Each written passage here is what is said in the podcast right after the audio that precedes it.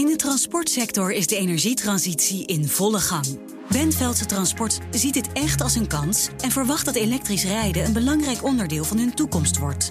Inmiddels rijden ze al elektrisch voor onder andere supermarktketens. Meer weten? Je leest het verhaal op partner.fd.nl/slash bp.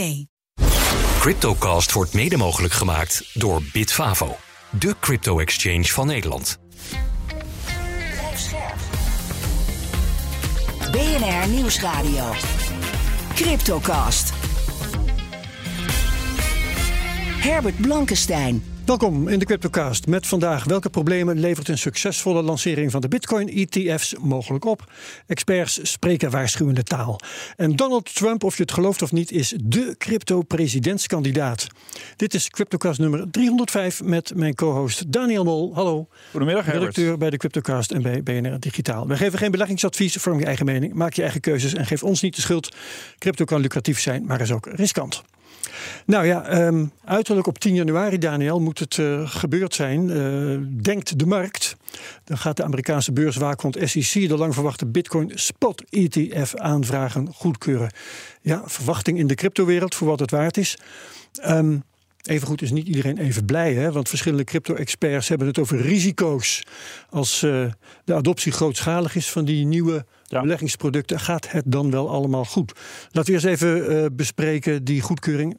Het lijkt een formaliteit. Iedereen uh, gaat ervan uit dat het binnen een week wel zal gebeuren. Heel gevaarlijk natuurlijk. Ja, 99% zeker. Dat, ja. Um, waar is het wachten op? Nou ja, de SEC, de Amerikaanse beurswaakhond, die uh, beoordeelt nu de definitieve S1-documenten. Dat is een vakjargon voor eigenlijk de aanvraag voor zo'n voor zo'n beleggingsproduct. Ja. En dat, dat zijn gewoon veel, het is veel materie waar doorheen moet gaan. En dat is, er zijn wat aanpassingen gedaan. En nu is dan de definitieve versie van alle, van alle aanvragers ingeleverd. Um, nou, een lijstje met de belangrijkste aanvragers wil ik nog wel even doorheen gaan. Dat zijn Grayscale, ja. ARK, BlackRock, de grootste vermogensbeheerder ter wereld. Bitwise, Van Eck, Wisdom Tree, Invesco, Fidelity en Valkyrie. En dan sla ik er nog een aantal wat kleinere over.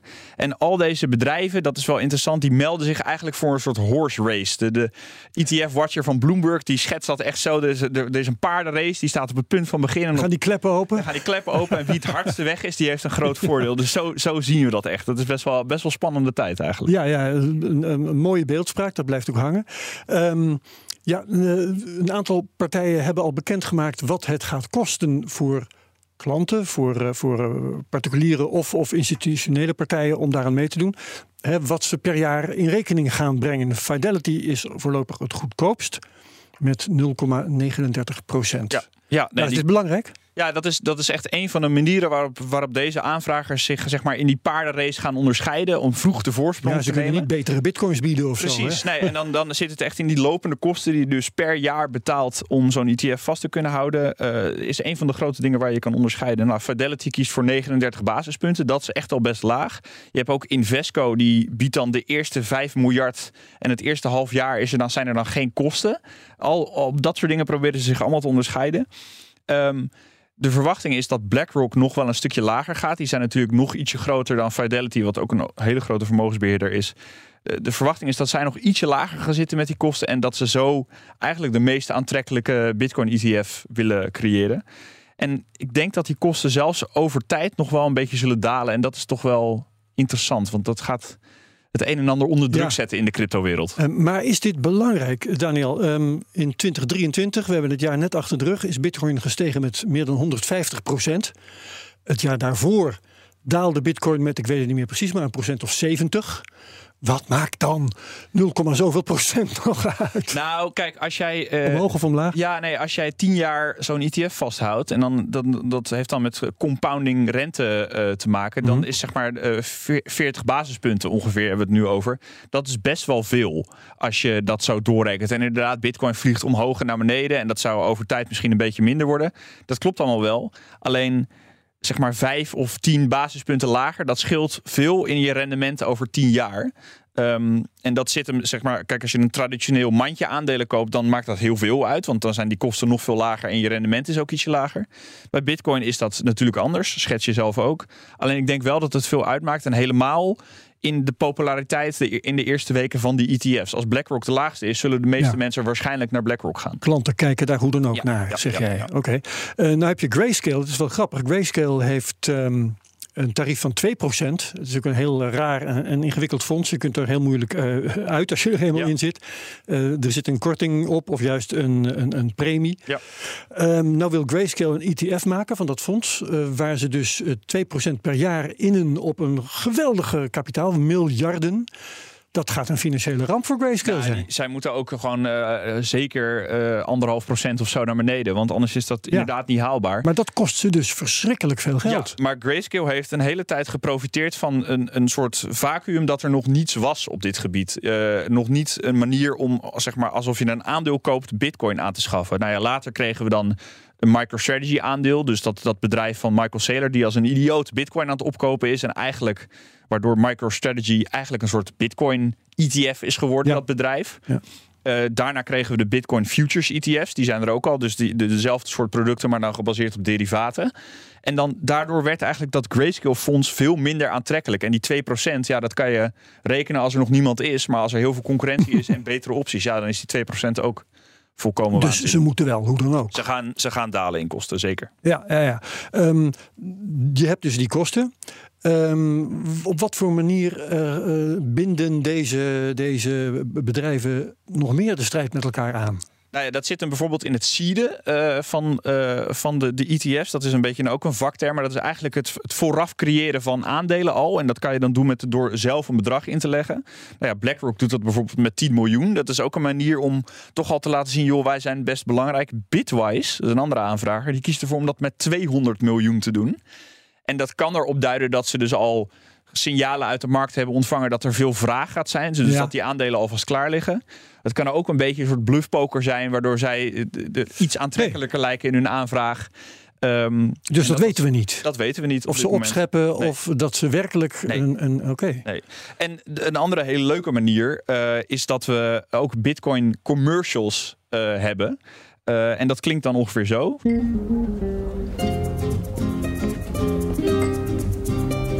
You know what's interesting these days?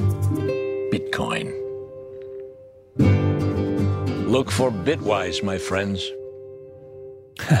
Zonder een ETF te noemen. Hè? Ja. Dus het is een, meer een eh, eh, suggererende reclame dan een reclame die alles benoemt. Ja, nee, dan, dan zit er natuurlijk ook wel beeld bij. En dan zie je wel dat het om een financieel product gaat. Maar er, staan, er zijn dus een, al- een aantal reclames in deze trend die zeg maar klaarstaan. Eh, Van Eck heeft er ook eentje waar ook het echt gaat over bitcoin. Er staat ook heel duidelijk buy bitcoin in beeld.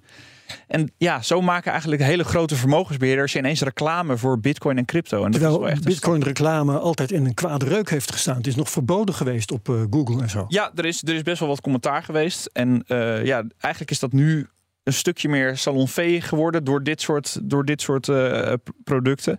Overigens, reclame voor beleggingsproducten is zeker in de VS niet ongewoon. Maar je merkt wel dat Bitcoin dan toch ietsje volwassener weer wordt. Dat, dat dit soort bedrijven dan gewoon schaamteloze reclame gaan maken om hun ETF te promoten. Het is wel bijzonder. Ja, ja, ja.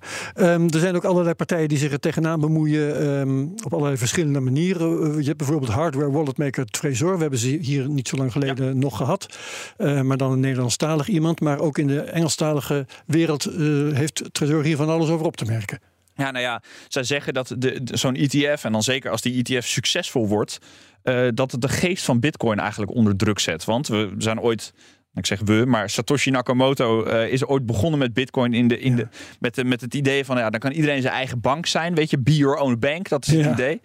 En ja, als we straks met z'n allen eh, gewoon een ETF gaan kopen, waardoor waar de Bitcoin, zeg maar, waar BlackRock namens ons de Bitcoin in de kluis legt van Coinbase. Heeft Satoshi nooit zo bedoeld? Nee, dat is eigenlijk gewoon een bank. ja, en daar, daar, dat is natuurlijk, ik bedoel, het is heel logisch commentaar van iemand die hardware wallets maakt. Zo flauw is het ook wel weer, want die verkoopt een product om je Bitcoin in eigen beheer te kunnen nemen.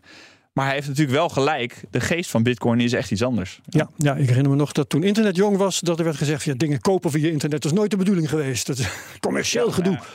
Ja. Ehm, en er is angst voor papieren bitcoin. Wat is dat nou weer? Ja, nou ja, de- bij een Bitcoin spot ETF waar we het hier over hebben, komen die Bitcoin daadwerkelijk wel in de kluis te liggen. Alleen wat daar het commentaar is, en dat komt van diezelfde treasurerman, dat je, de, dat je niet de mogelijkheid hebt om BlackRock te bellen en zeggen: hey jongens, ik wil mijn Bitcoin opnemen. Je kan natuurlijk wel de ETF verkopen, dan je euro's krijgen of je dollars En krijgen. dan alsnog en- bitcoin kopen. Precies. Ja. Alleen, eh, ja, je kan niet direct uit de kluis die bitcoins halen. En dat vinden dan sommige mensen ook een probleem. Ja, je kunt je bitcoins ook niet gebruiken om iets mee te betalen. Hè? Precies, je hebt ja. geen bitcoins, Ja. je hebt aandelen. Ja, exact. Ja, je kan het dus ook niet versturen zoals Nee. we dat normaal gewend zijn bij bitcoin. Ja, het is misschien vooral een theoretisch en een ideologisch probleem. In de praktijk zou ik zeggen, nou ja, dat is dan vooral een probleem voor de echte diehards. Eh nou, dat Ja. moeten we allemaal gaan zien. Die er misschien Ja. mee eh, zullen moeten leren leven. We gaan eh, Bert Slachter raadplegen over de prijzen. Maar we gaan toch ook een beetje doorzeuren over de ETF's. Hallo Bert, welkom in de uitzending. Goeiedag. Eh, we hadden het dus over die ETF's. Leuk om met jou even over door te praten. Ehm, wat zegt, wat zegt zo'n eh, zo'n eh, seed fund, hè, waar we het net over hadden, Bitwise 200 miljoen dollar. Wat, wat zegt dat over de markt? Kun jij daar iets zinnigs over zeggen? Ja, je ziet bij ETF's vaak, hè, als er concurrerende ETF's zijn die dus hetzelfde eh, onderliggende mandje of producten aanbieden, bijvoorbeeld bij goud-ETF's, dan zie je dat er na een tijdje vaak eentje met afstand de grootste is geworden. Die komt namelijk in een soort positieve spiraal terecht. Je, bent, eh, je kunt goedkoper zijn, hè, omdat je meer kapitaal hebt. En dan kun je dat dus eh, met een kleine percentage kun je daarvan leven. Dat maakt je weer aantrekkelijker. En dat zorgt ervoor dat er weer meer dat, je, dat, je, dat er meer kapitaal in komt, dat je weer goedkoper kunt worden. Hetzelfde geldt voor de liquiditeit in de markt. Als je een groot fonds hebt, dan wordt er veel gehandeld, is er veel liquiditeit. En dat maakt je weer aantrekkelijker, waardoor je weer groter wordt. De verwachting is daarom dat al die Bitcoin-fondsen zo snel mogelijk heel groot willen worden. Ehm, en dat kun je doen met je reputatie en je merk, met een marketingcampagne. Nou, de reclame hoorden we al. Met, met eigenschappen van het product, zoals de prijs. Maar ook door van tevoren zelf al voor vraag te zorgen. En bijvoorbeeld ARK, ARK Invest, die doet dat. Doordat ze ehm, eh, eh, de, in hun andere fondsen we hadden ze al blootstelling aan Bitcoin, namelijk via het, het Grayscale BTC-aandeel, GBTC. Dat hebben ze inmiddels verkocht en tijdelijk geparkeerd in Bito. Dat is een futures ETF. 100 miljoen zit daar nu in van hun. En de verwachting is dat zij dat op de allereerste dag meteen in hun eigen ETF stoppen. Zodat ze kunnen laten zien van wauw, er zit al 100 miljoen in, weet je wel. Nou, en Bitwise heeft blijkbaar ook een mogelijke koper voor 200 miljoen. Dat staat ook in hun aanvraag. Staat er nu nog een wit vlakje waar dan de naam van die koper zou moeten komen. Hè. Dus het is wel Oh. echt. Maar ja, er staat er ook wel bij. We hebben nog geen handtekening. Dus het zou kunnen dat het niet doorgaat, weet je wel. Maar dat doen ze eigenlijk allemaal dus om gewoon als onderdeel van het spel om te laten zien: ik ben heel aantrekkelijk, ik ben heel succesvol en ik ga heel snel de grootste worden. Ja, en eh, met, met al deze verhalen, ook eh, de dingen die Daniel net verteld heeft. eh, ja, je kunt er nauwelijks meer rekening mee houden dat het niet meer doorgaat. Hè?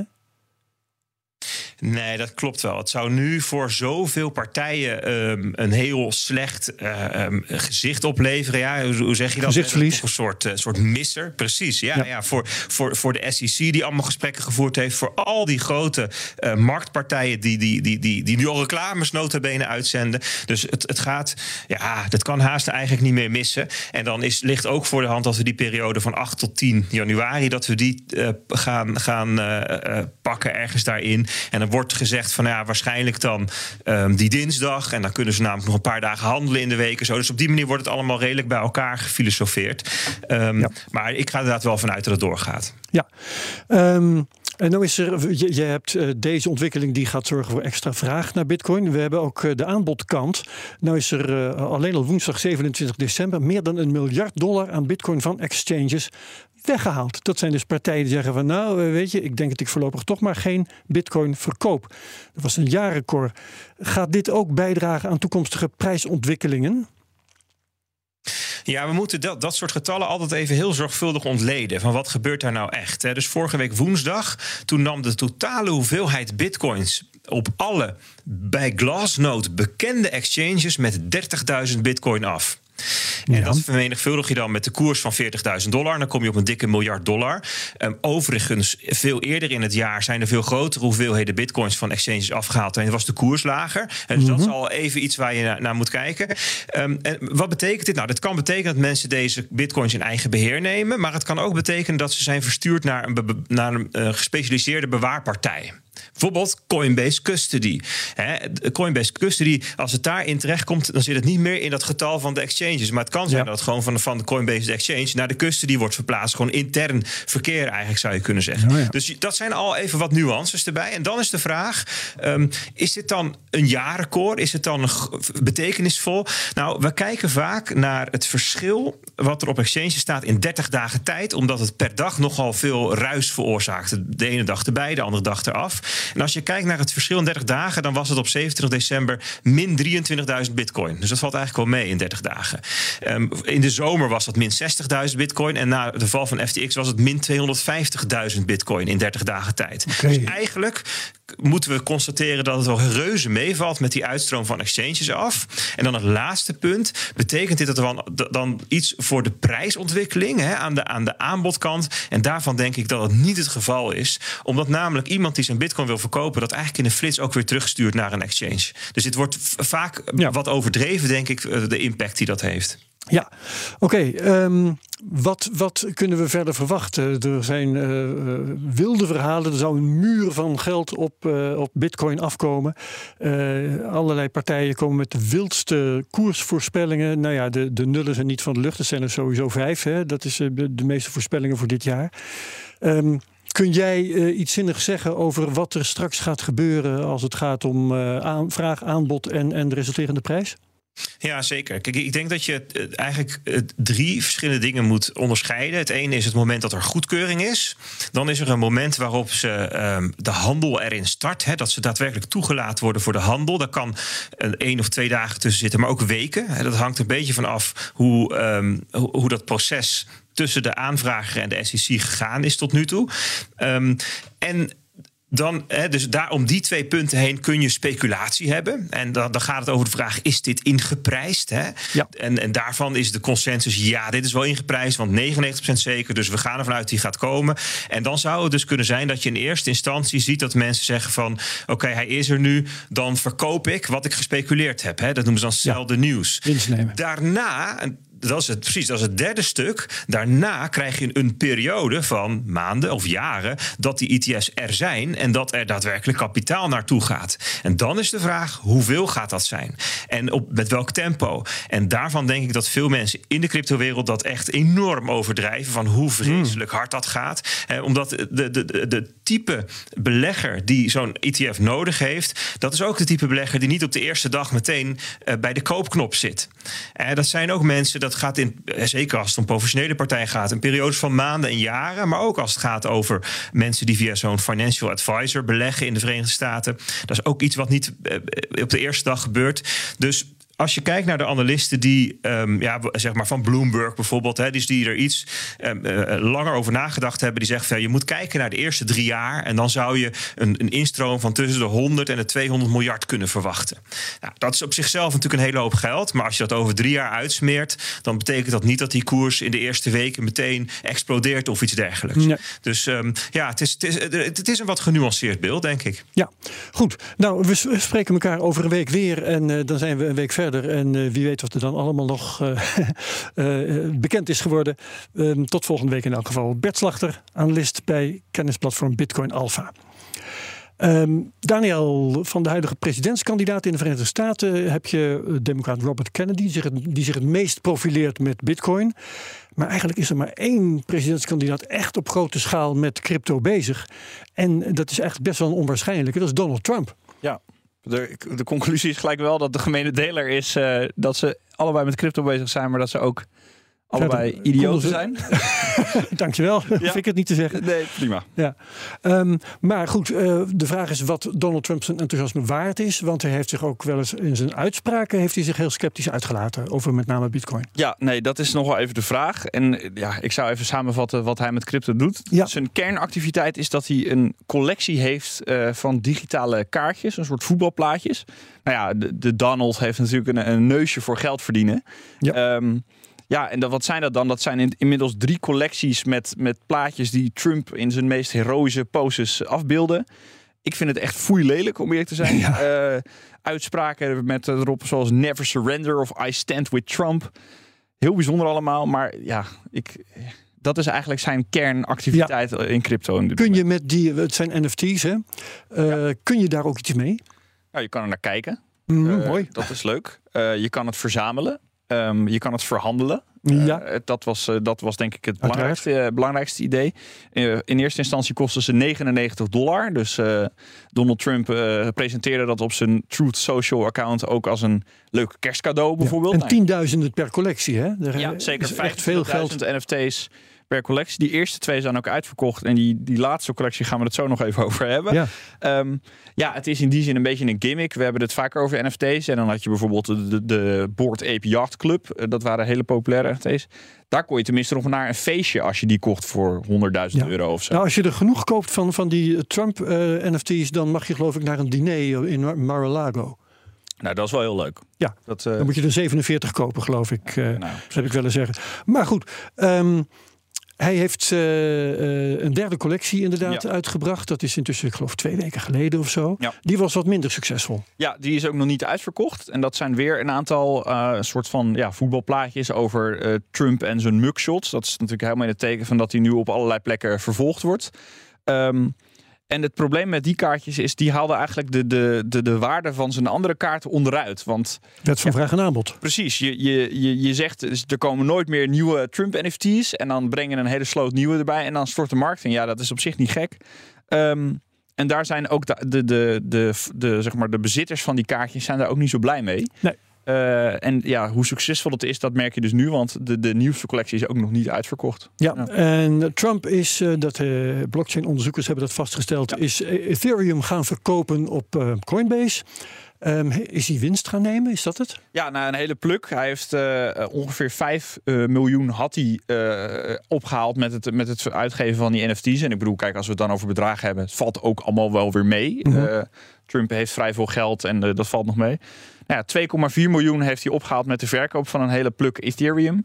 En dat is dus ongeveer de helft van zijn crypto-bezittingen die hij dus in één klap eh, verkoopt. Ja, wat dat zegt is nog maar de vraag. Ja. Maar, Nou, wat ik mij eh, dan verder afvraag, eh, is hij zelf een cryptogenie of heeft hij een crypto-fluisteraar die dit allemaal voor hem bedenkt? Nou, wat we wel weten is dat er een aantal bedrijven zijn die zeg maar via Trump eigenlijk, ik denk dat ze samen een deal hebben gesloten. Joh, wij mogen jouw plaatjes gebruiken en dan gaan we dat samen zo uitrollen. Ja. Eigenlijk als extra verdienmodel.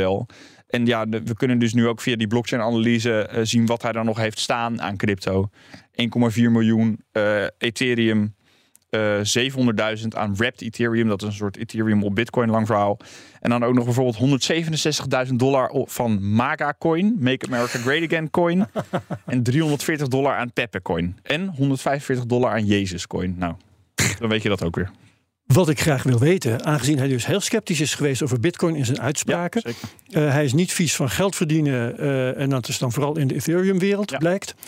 Wat voor beleid, wat- voor crypto-beleid zou je van Trump moeten verwachten? Ja, nou ja, als we dan even vooruitlopen op twee verkiezingen die nog moeten komen, namelijk de nominatie en de, de race voor het presidentschap. En hoe dat gaat, maar laten we even Ja. aannemen. Stel hij wordt president. Stel hij wordt president, dan denk ik dat we eigenlijk dat het netto positief zou zijn voor crypto. Hij is heel erg kritisch op toezichthouders. Met name de SEC zit hem al jaren dwars, beurswaakhond.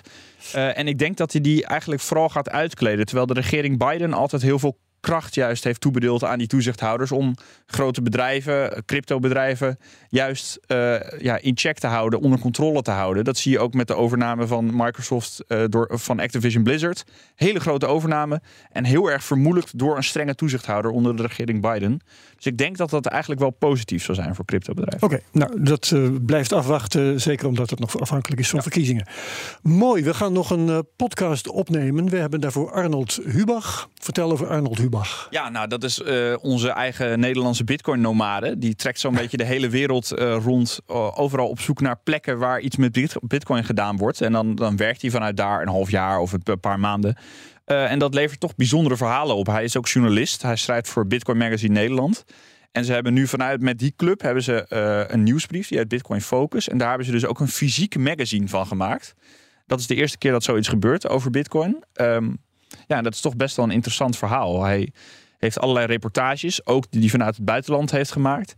En hij schrijft dus op heel veel plekken waar Bitcoin wel werkt. We hebben het over El Salvador. Over, Overigens gaat daar ook het een en ander fout. Daar gaan we het zeker in de podcast zeker ook over hebben. Ja. Maar ook, uh, hij schrijft ook op plekken, en daar hou ik altijd van zo'n kritische blik, waar het niet werkt. Waar Bitcoin eigenlijk geen voet aan de grond kan krijgen, omdat er gewoon een beter alternatief is. Terwijl, het, wel, terwijl het zich wel afspeelt in de derde wereld. Of, een beter betaalnetwerk bijvoorbeeld. Precies, ja. En dat zit hem dan in bijvoorbeeld een soort mobiele credits en zo. En dat werkt eigenlijk op elk vlak beter dan Bitcoin. En dat is toch best interessant om, uh, om vast te stellen. Ja, en hij had ook nog een gezelschapsspel bedacht. Ja, hij, heeft ook, hij, is ook, hij zit niet stil, uh, Arnold Hubach. uh, hij is ook bezig met het ontwikkelen van blockhunters. En dat, is, ja, dat zit nu nog in de testfase, maar hij is dus een Bitcoin gezelschapsspel aan het maken. En dat zit hem niet in het, in het territorium van Monopoly, wat, waar het gaat over geld verdienen. Het gaat op, over het oplossen van cryptografische puzzels. Dus uh, ja, dat is, daar gaan we hem ook naar vragen. En misschien moeten we daar in de toekomst, als dat spel als overal het is, als het overal is uitverkocht in Intertoys, dan moeten we het, uh, dan moeten we het daar nog maar eens over hebben.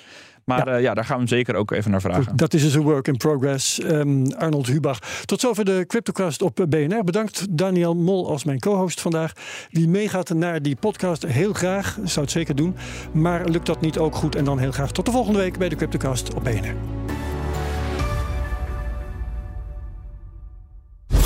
CryptoCast wordt mede mogelijk gemaakt door Bitfavo, de crypto-exchange van Nederland. Hey ondernemer, zorg voor een sterke financiële basis en meer omzet door je facturatie, debiteurenbeheer of incasso uit te besteden aan de Nova Groep. De Nova Groep? Ja, de Nova Groep. Kijk op novagroep.nl.